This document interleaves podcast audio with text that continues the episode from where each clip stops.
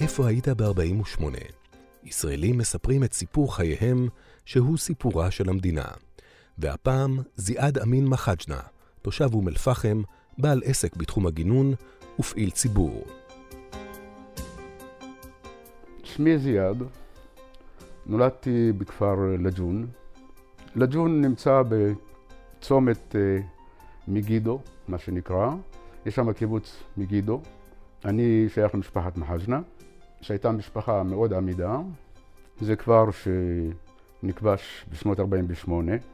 הייתה לי ילדות אה, של בין שלוש לארבע שנים, חייתי שם. זכור לי דברים בלתי נשכחים. זכור לי איך שהעובדים שהיו אצלנו, גם בני המשפחה, שזרעו וקצרו, גרסו את התבואה, איך שהיו מרכיבים אותי על הלוח, אז היו קושרים לוח שמרוצע באבנים, ועושים סיבובים, קוצרים את התבואה, ואחר כך אה, באוויר מרימים את הזה ומוציאים את התבואה. עד שבשנת סוף 48, בהתחלת 48 אגב, קנו קומביין. עבדו אותה איזה חצי שנה, ואז uh, הכל נעזב שם, ושנושלנו משם וברחנו. עכשיו, לנו במקור, היה לנו בתים באום אל-פחם. כי אז פשוט הלכו שם uh, בעונות, עבדו וחזרו לבית.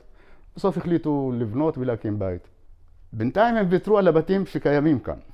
נתנו כזה במתנות, גם אדמות נתנו במתנות, כי מי צריך uh, באום אל-פחם את החלקות האלה הקטנות, וגם את הבתים. עד שיום אחד בהיר קמתי על צעקות ועל בכי ועל אנשים רצים שמאלה ימינה, לא הבנתי מה קורה. ואז אמרו שצבא היהודים מתקרב, ושמעתי גם יריות באותו היום, והולכים לכבוש את אה, לג'ון. אבי היה בן אחד הלוחמים, היה לו, זה אני זוכר, היו לו שני רובים, אחד פרנסאוי, אחד קנדי, מה שנקרא. ואז אימא אה, שלי לא ידעה מה לעשות. יש לה תינוק, ויש לה אותי, שהייתי בן ארבע בערך. ואז הופיע אחד הבן דודים שלי על פרד, אסף אותי ועוד ילד, וחיבקנו אחד את השני, והוא טס איתנו לאום אל-פחם.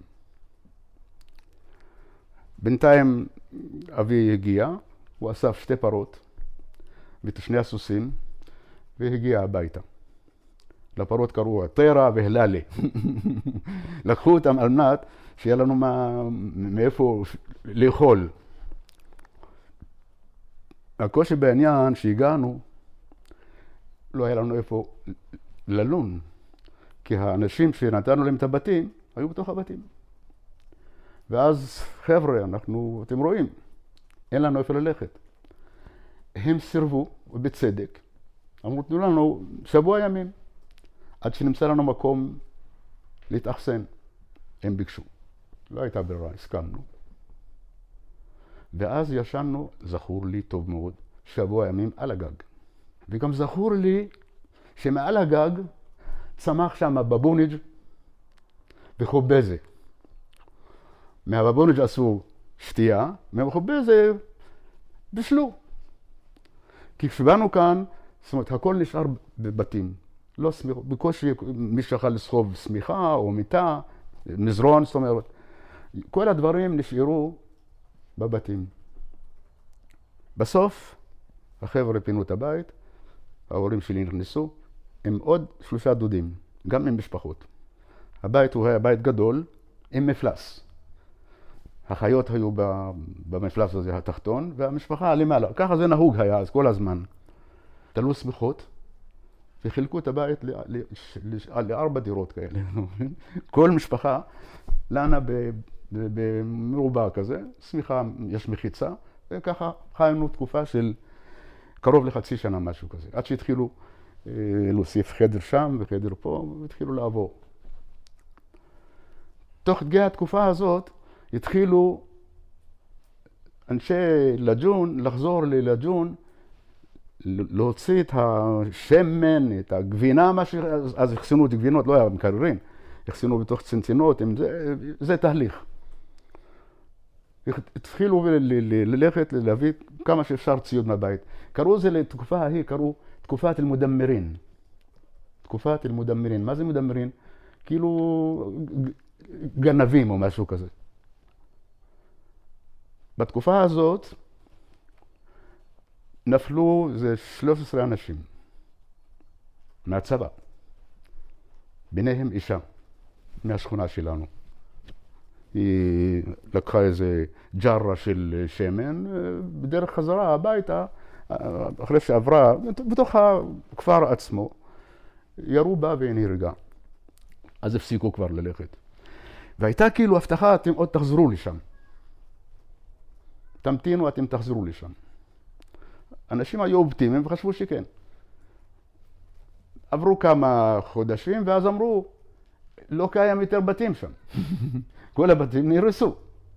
תבואו לראות. אז יש כאלה שהצטננו והלכו, אמרו, באמת, אין בתים יותר. הכל על הרצפה, אין, אין יותר בתים. פה נקטע החלום הזה, כאילו נחזור לשם. בקיצור, בהתחלה היה מאוד קשה לנו באום אל-פחם. התחלנו איך להתפרנס, כי כסף, גם בלג'ון לא היה הרבה כסף אגב, לא היה, אנשים לא, כי לא היה חסר כלום. הייתה תבואה, והיו באים מהנגב, והיו מכל מיני מקומות ללג'ון, כי היה מרכז מסחרי. אבי היה עוטף, היה לו כזה שק שממלא אותו סוכר, נוסע לחיפה, הברחה, גם סוכר, גם סכיני גילוח, גם כל מיני, שהיה מביא מהשטחים, היו מבריחים מהשטחים לאום אל-פחם, והיה הולך לחיפה למכור את זה בחיפה. ובחזרה היה קונה פח של דגים, זה היה בזמן הממשל הצבאי, הוא היה צריך בהברחה, זאת אומרת. נסעו, הייתה משאיות של סיד שהובילו לחיפה וזה, אז הוא היה מחכה בצומת שם, ועולה על המשאית של הסיד, מתקבע, איכשהו מתחבא ומגיע לשם. וככה התפרנסנו, מכרנו את הדגים כאן, והיה בשבילנו שמחה, הוא היה מביא איזה תפוח. תפוח אחד או שתיים. והחפלה הייתה שהולכים לחלק את התפוח. אם היית צריך לקחת סכין חד ולחלק אותו שווה בשווה. אז היו כבר, היינו כבר כמה ילדים. והיה לי כזה, אח הוא יותר צעיר ממני, אללה ירחמו, רק לפני כמה חודשים הוא נפטר, הוא היה, הוא היה אהבתי, ממש... היה תמיד, למה החלק של זיאד יותר גדול ממני? הוא היה מתעצבן וקם, ויאללה. באמת, יחסית היה לנו טוב, יחסית כמה שאפשר להגיד שזה טוב. הגיעה התקופה של הבית ספר. היה בית ספר ממלכתי שהוא קיים הרבה שנים, אבל לא הלכנו אליו תכף. שכרו פה חדר ושם חדר, ממש חדר. מורה אחד היה לכל הכיתה. לבית ספר עברנו לכיתה ג', ואז שם פגשתי לפחות חמישה מורים יהודיים, עיראקים וחלבים. שאחד קראו לו אליהו, אחד קזז, אחד אה, ששון, לפי השמות זה הכל מול... לימדו אותנו גם ערבית וגם דת וגם מתמטיקה ועברית. בכיתה ד' התחלנו ללמוד עברית. ואני אומר את זה בצניעות, אני אחד התלמידים הבולטים הייתי בבית ספר. סיימתי בהצטיינות, והיו אז בזמנו בחינות סקר. אני הייתי בין החמישה שעברו באום אל-פחם, בכיתה ח', ואז צריך ללמוד תיכון. איפה? באום אל-פחם אין. היה אפשרות או לעפולה, או נצרת, או חדרה, ואני ממש בכיתי. שקשה, ואני לא רוצה להעמיס, להכביד על אבי. כי אין לו אפשרות לתת לי, צריך לשלם שכר לבית ספר. ונסיעות ומגורים. עד כדי כך באו מורים שלימדו אותי, ואמרו לו, דוד אמין, תמצא פתרון. אין לך איזה חלקת אדמה למכור? כן, אין לי. אני, למכור את לג'ון? אני לא אמכור, שלא ילמד זיאד. את לג'ון אני לא מוכר. פה אין לנו אדמות. כל האדמות שהיו לנו, פשוט אה, נתנו אותם לאנשים. אז השלמתי עם זה. השלמתי עם זה שאני לא הולך ללמוד. מה עשיתי? היה לנו אתון, הייתי רוכב עליה עם שני ארגזים פה ושם, ומסתובב בכפרים, אני רוצה לעזור לאבא. אלא אין דובד ללבע. מי יש לו ביצים למכירה?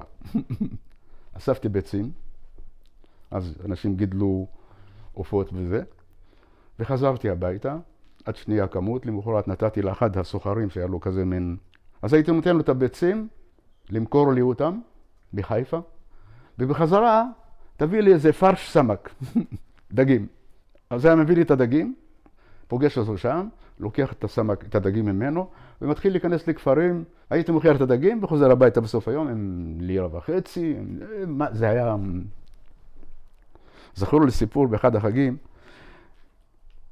אמי נתנה לי 15 לירות, אמרה לי, לך תקנה חליפות לחג. אז הלכתי. היינו חמישה בבית, חמישה ילדים, אז.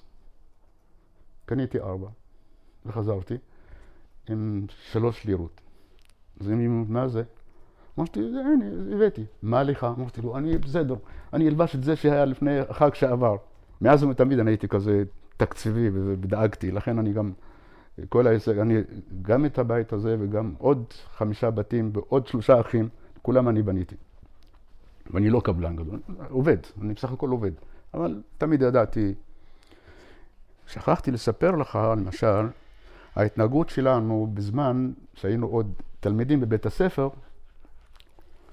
שיום העצמאות מגיע. היינו מחזיקים, מחזיקים דגלים קטנים כאלה, דגלי ישראל, ושרים שירי שמחה, ואני גם זוכר שלא לא רק הילדים, המבוגרים, בליל העצמאות הלכו ועשו דבקה בעפולה עם חליל ודורבקי ודבקו עם כפיות וזה. כאילו יום התפרקות. כל השנה בסגר, אין לצאת, אין להיכנס, אין... ואז שבא יום העצמאות, ממש קראו ברמקולים, אתם חופשיים, היום לא צריך רישיון, תסעו לאן שאתם רוצים. אז אנשים ככה התפרצו, ורצו גם להתחמדן בינינו, רצו כזה... הייתה תחרות למי יש גדל, דגל יותר ארוך, יותר גדול, ונסעו עם זה לעיר, לתל אביב, לראות את, לבלות ככה בגן העצמאות וללכת למצעד. עבדתי עם התקופה הזאת, במסחר הזה, מה שנקרא, ביצים, דגים.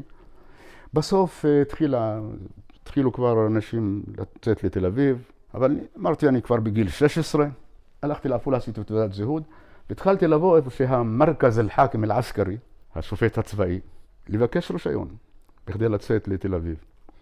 ונתתי את התמונות שלי ואת התעודה לאחד המקורבים למושל. והתחלתי כל יום ללכת מהבוקר, וכאילו מסתכל לו בעיניים, שיראה אותי, שיזכור אותי שם למעלה, כי התביישתי כל יום להגיד לנו מה עם הרישיון. וזה נמשך אה, ימים וחודשים. בסוף לקחתי את התעודה, אללה כרים, אני אסע, אללה בוסטור, נסעתי לתל אביב, בלי רישיון, עם זהירות שמשטרה לא תתפוס אותי. ואני זוכר שהלכתי לעבוד במכולת, ברחוב בלוך בתל אביב, שם על יד העירייה. למשפחה שקוראים לה גולדברג. ואז הדוד שלי שלקח אותי, אמר לי, אל תגיד שאתה ערבי. ומה זאת אומרת, איך, מה... קוראים לך יוסי, ואתה מיפו. בסדר? אז הלכתי, איך קוראים לך? אה, יוסי, איפה אתה גר? ביפו. איפה ביפו? עג'מי או ב... את הדבר האחרון שאמר עליו, אמרתי כן. אמר להגיד בשדרות ירושלים, אמרתי כן. פה הייתה הבעיה. באו אנשים, תן לי שמנת. ואז ניגשתי למקרר, לא ידעתי מה זה שמנת, לא היה שמנת באום אל-פחם. והתחלתי לשים יד אה, על, על, זאת אומרת, הקונה היה מסתכל והייתי שם את היד כאן, לא, לא, לא זה, לא, על יד. עד שנגעתי בשמנת, ואז לקחת, לאט לאט, תוך שבוע התחלתי כבר לדעת מה זה שמנת, מה זה יוגורט, מה זה... ישנו, איך ישנו? היה שם צריפים, החבר'ה המבוגרים שכרו איזה שלושה צריפים. על יד הצריפים היה מגרש שחנו שם עגלות של קרח. והיינו מחכים שהחבר'ה לוקחים את הסוסים, משאירים את העגלות, היינו ישנים על העגלות. ובבוקר היו באים בחמש, כי קרח התחילו, היינו חייבים בחמש לברוח לפני שיבואו בעלי עגלות, כי הם לא מרשים לנו לישון על ה... איכשהו ישנתי על איזה, מתחת לעגלה, כי, להתחבות, ולא רציתי, שמתי את השמיכה מתחת לעגלה וישנתי. ולמחרת בבוקר אור, טוב, לאן אני אלך? התחלתי לישון, אמרו לי ביפו, שם זה ערבים וששם זה פתוח. התחילו להגיד לי מפה לשם, הלכתי מתחנה מרכזית עד יפו ברגל, הגעתי, וואלה, ראיתי דוברי ערבית, מסעדה, חומוס, פול, פסולי. אמרתי, יופי, עשיתי את היום, נגמר לי. ואז עברתי לחנות ירקות לעבוד תקופה מסוימת. הבעיה הייתה תמיד איפה לישון. היה עץ, אה, איפה שסומל בבינג וירול, פינת ארלוזורוף.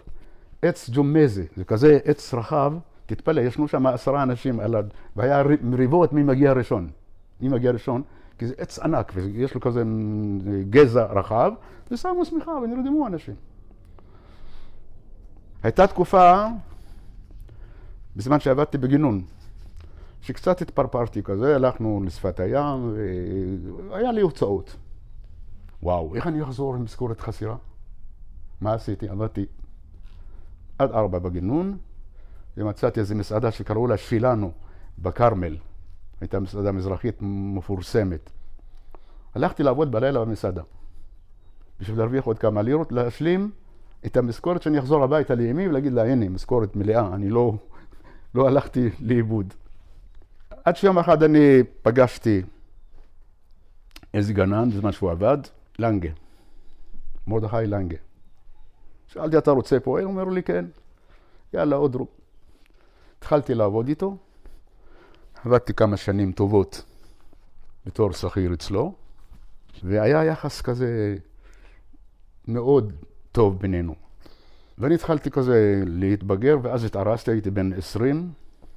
אמרתי לו, תשמע, אני עכשיו הולך לעשות עתיד, אני רוצה להיות עצמאי. בקיצור, הציע לי שותפות, ועבדנו בשותפות עד שנת 80. שנת 80 זה נקטע כי הייתי במאסר. ישבתי במאסר על התארגנות בלתי חוקית לפי החוק הישראלי, אז קום התנועה האסלאמית הצפונית. בכלל לא היה צפונית ודרומית.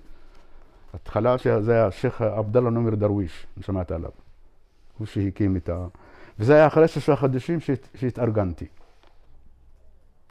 ואז הוא, לנגה, הוא הופתע, לא רצה להאמין איך זה קורה לי, והוא ניסה איכשהו לעזור עם כל המכרים שלו וזה.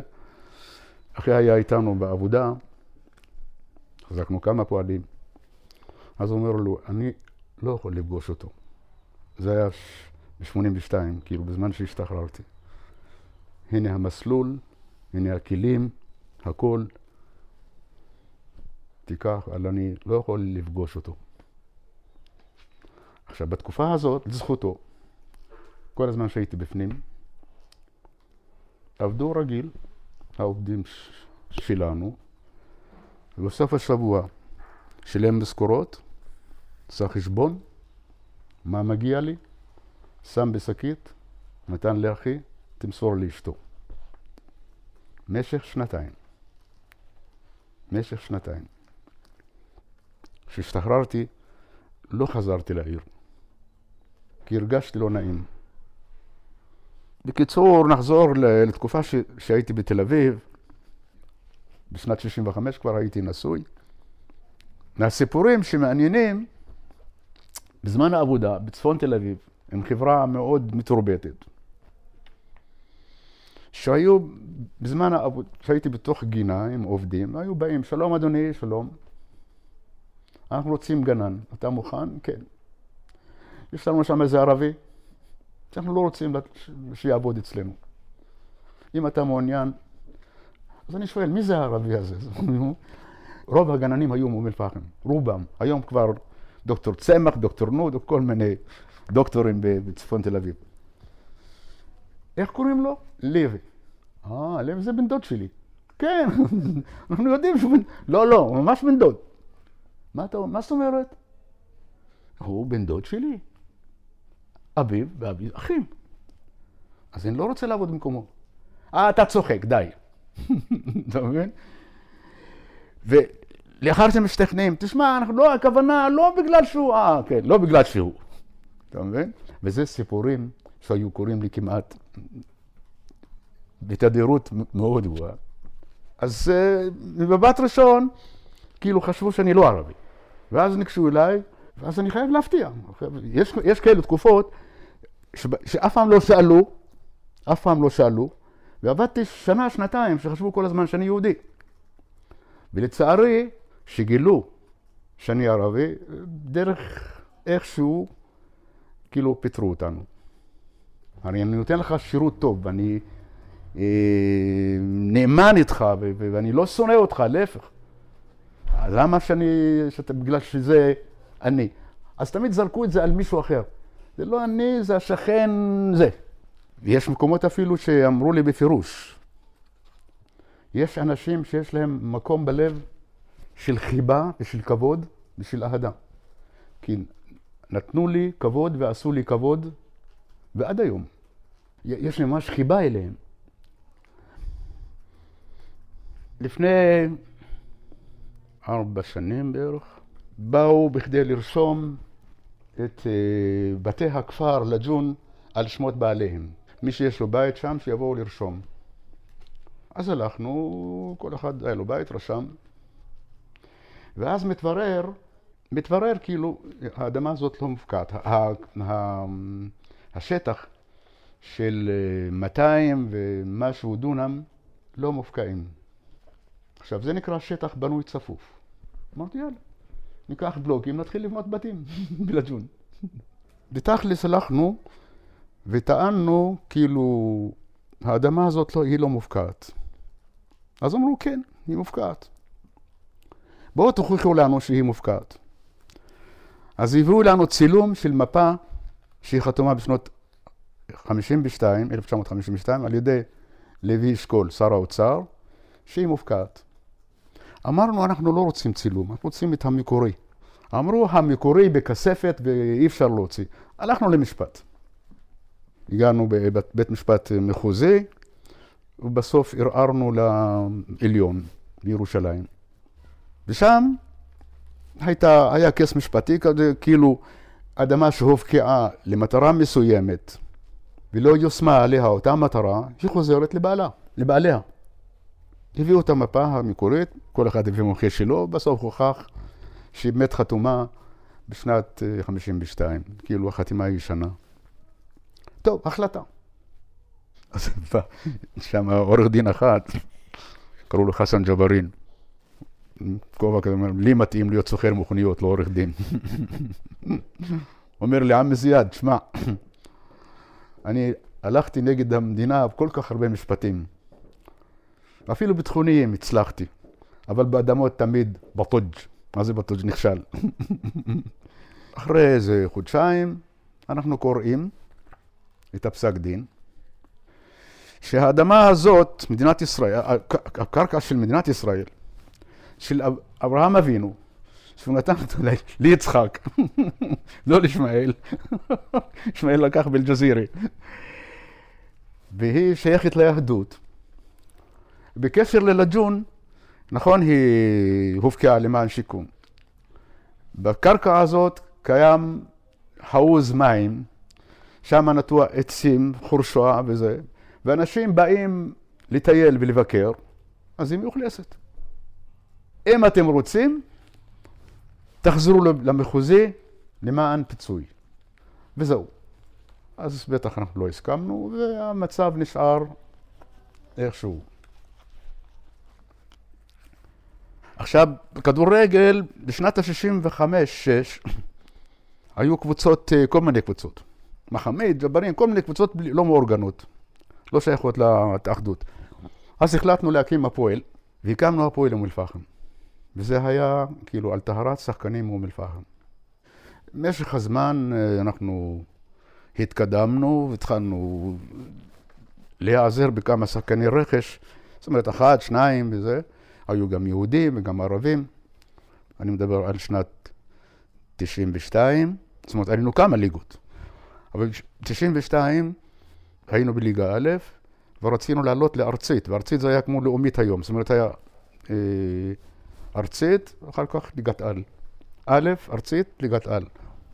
שנה לפני היינו במצרים, באסמאעיליה, ושם היה קטע מריבה עם אחת הקבוצות מהאמוריות. המריבה הייתה על המגרש כי רצינו להתאמן, והם רצו באותה שעה להתאמן, ואז אה, היה מריבות בין הבחורים שלנו איתם, ואז היה קטע שרצו לאסור את השחקנים שלנו, אחד מהשחקנים, שניים מהשחקנים שלנו, ואני פשוט אה, התקוממתי והיה לי ויכוח, ואז אמרו לי, תשמע, הציעו לי מין סולחה, אחרת אה, המשטרה תתערב, והיה קטע של הסולחה, אני חייב בכתב. אמרתי, בעל פה אני מתנצל, ולא, לא, לא, הוא רוצה בכתב, מה נעשה? זיאד, דינק. אנחנו חיים על האמוריות האלה. הם באים, אתם באים פעם ב... אבל אנחנו, עם כל הכבוד שלכם, בואו תוותר. בסוף אה, ויתרתי, והייתי חייב לכתוב מין התנצלות. והמדהים ומעניין, שחשבו שאנחנו, שאני לא, אולי לא אכתוב ערבית. כי יום לפני, אחד העיתונים כתב, מערביי תל אביב מתאמנים במגרש כדורגל בבית מלון באל-אסמאעיליה, תחת שמירת המשטרה המצרית. זה אחד העיתונים הקיצוניים שם כתב, ואז היינו תחת סכנה. היו חייבים לשמור עלינו 24 שעות, בזמן האימון וזה, וכל פעם שיצא מישהו לעיר, נסע אחריו ג'יפ אה, משטרתי, עם הגלביה, אתה יודע, שוטרים מוסווים. ואז היה המכתב הזה שאני כתבתי, אז שעמדו לידי, ישבו לידי, ואני לקחתי את העט וכתבתי, ביסמילה א-רחמן א-רחים.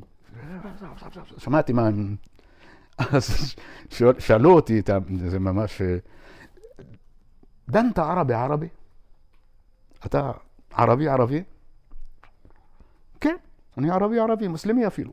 אז אומר לי, אז מה, מה, זה, מה זה הדרכון הישראלי?